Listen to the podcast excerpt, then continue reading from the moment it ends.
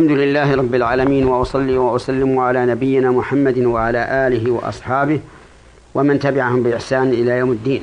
أما بعد أيها الإخوة المستمعون فهذه هي الحلقة من حلقات أحكام القرآن وفوائده.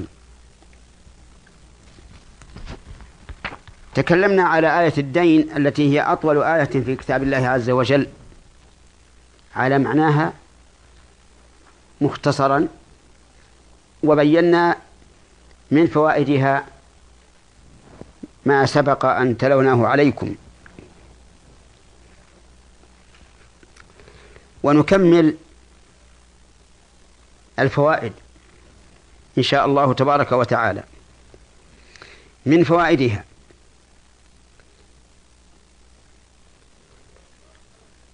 أن المطلوب عند الإشهاد أن يستشهد الإنسان رجلين.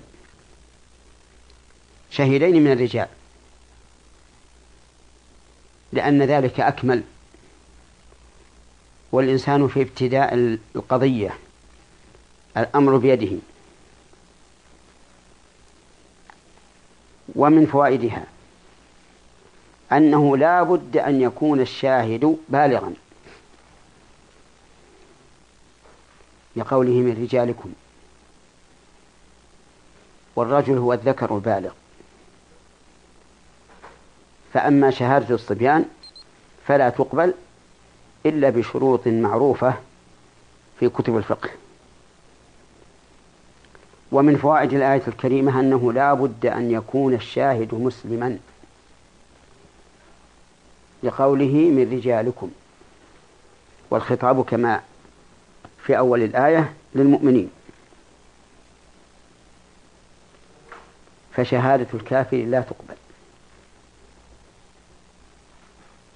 إما مطلقا وإما إذا لم يكن ضرورة. فإن كان ضرورة فإنها تقبل.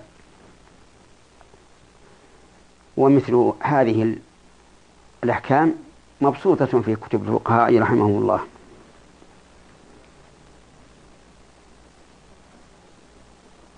ومنها أن المرأتين تقومان مقام الرجل في في الشهادة في الأموال.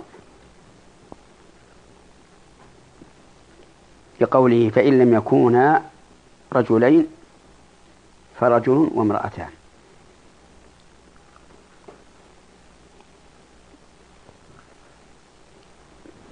فهذه ثلاث ثلاث وثائق في الشهادة.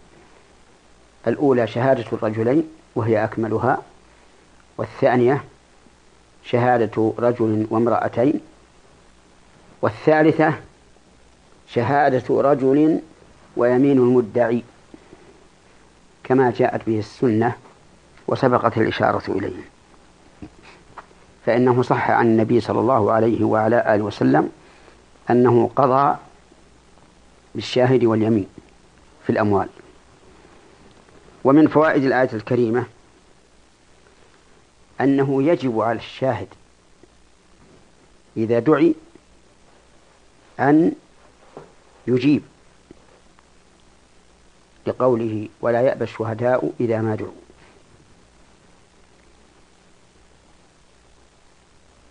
وهذا شامل للتحمل والأداء.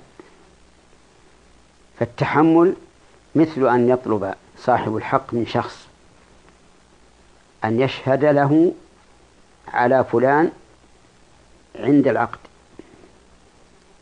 فيقول إنني أريد أن أقرض هذا الرجل مئة ريال. فاشهد فتعال فاشهد. فيجب عليه أن يشهد. ولا يجوز أن يأبى اللهم إلا أن يلحقه ضرر في بدنه أو ماله أو أهله فهذا شيء آخر. بمعنى أنه إذا خاف أن يلحقه ضرر سقط عنه الوجوب. ويشمل الأداء أيضا. إذا دعي الشاهد الذي شهد بالحق إلى مجلس القضاء ليشهد بالحق لصاحبه وجب عليه أن يحضر. إذا دعي. وظاهر الآية الكريمة أنه إذا لم يدعى لم يلزمه لم يلزمه أن يشهد.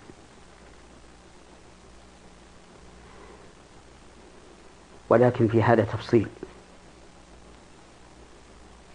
وهو أن يقال إن كان الذي له الحق يعلم بشهادة هذا الرجل فإنه لا يلزمه أن يشهد حتى يدعوه صاحب الحق. وأما إذا كان لا يعلم فإنه يجب على الشاهد أن يبلغ صاحب الحق بالشهادة ويقول أنا مستعد للحضور إذا طلب مني.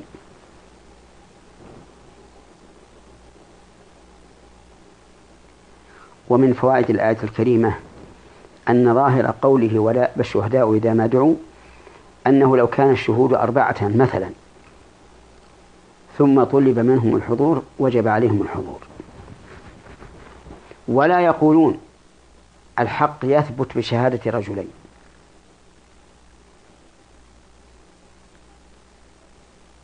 لأن الآية عامة ولا بالشهداء إذا ما دعوا. ولأنه ربما يقدح الخصم بشهادة الرجلين.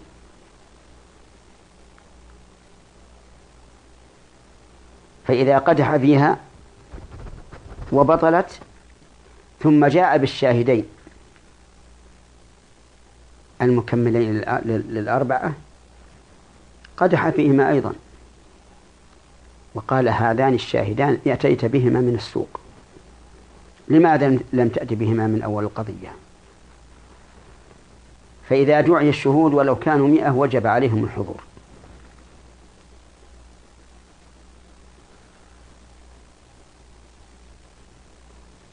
ومن فوائد الآية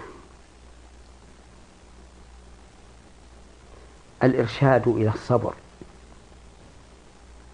وامتثال الأمر. لما في ذلك من الخير الكثير عاجلا وآجلا. لقوله ولا تسأموا أن تكتبوه أي الدين صغيرا أو كبيرا إلى أجله.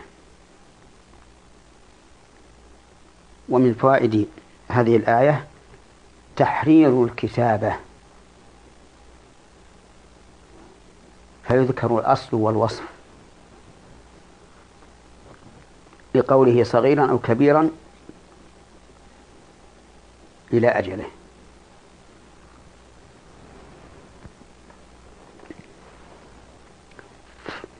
فلا يكتفي فلا يكتفى بأن يكتب في ذمة فلان دين لفلان مؤجل. بل لابد أن يبين الأجل. ومن فوائد هذه الآية الكريمة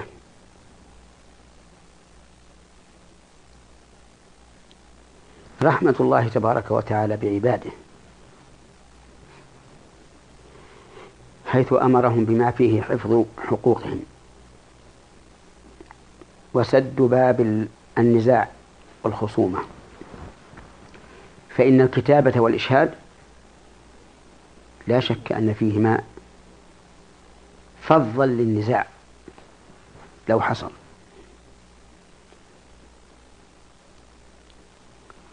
ومن فوائد الآية الكريمة أن في الكتابة والإشهاد ثلاث فوائد.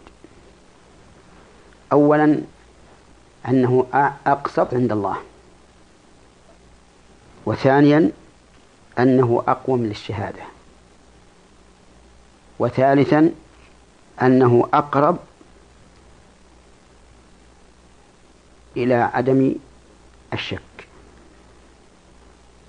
لقوله تعالى ذلكم أقسط عند الله وأقوم للشهادة وأدنى ألا ترتابوا. لأنه إذا لم يكتب الدين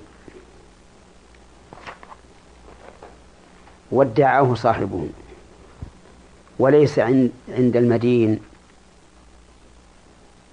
ذكر له. فقال له الدائن إني قد أقرضتك مئة ريال. والمدين يثق بهذا المدعي. وسيعطيه المئة. لكن سيعطيه المئة وهو في ريب. لأنه ليس هناك مستندات يطمئن إليها. ولهذا قال أدنى أن لا ترتابوا. فإذا كتب وأشهد عليه زال ما يمكن أن يقع في القلوب.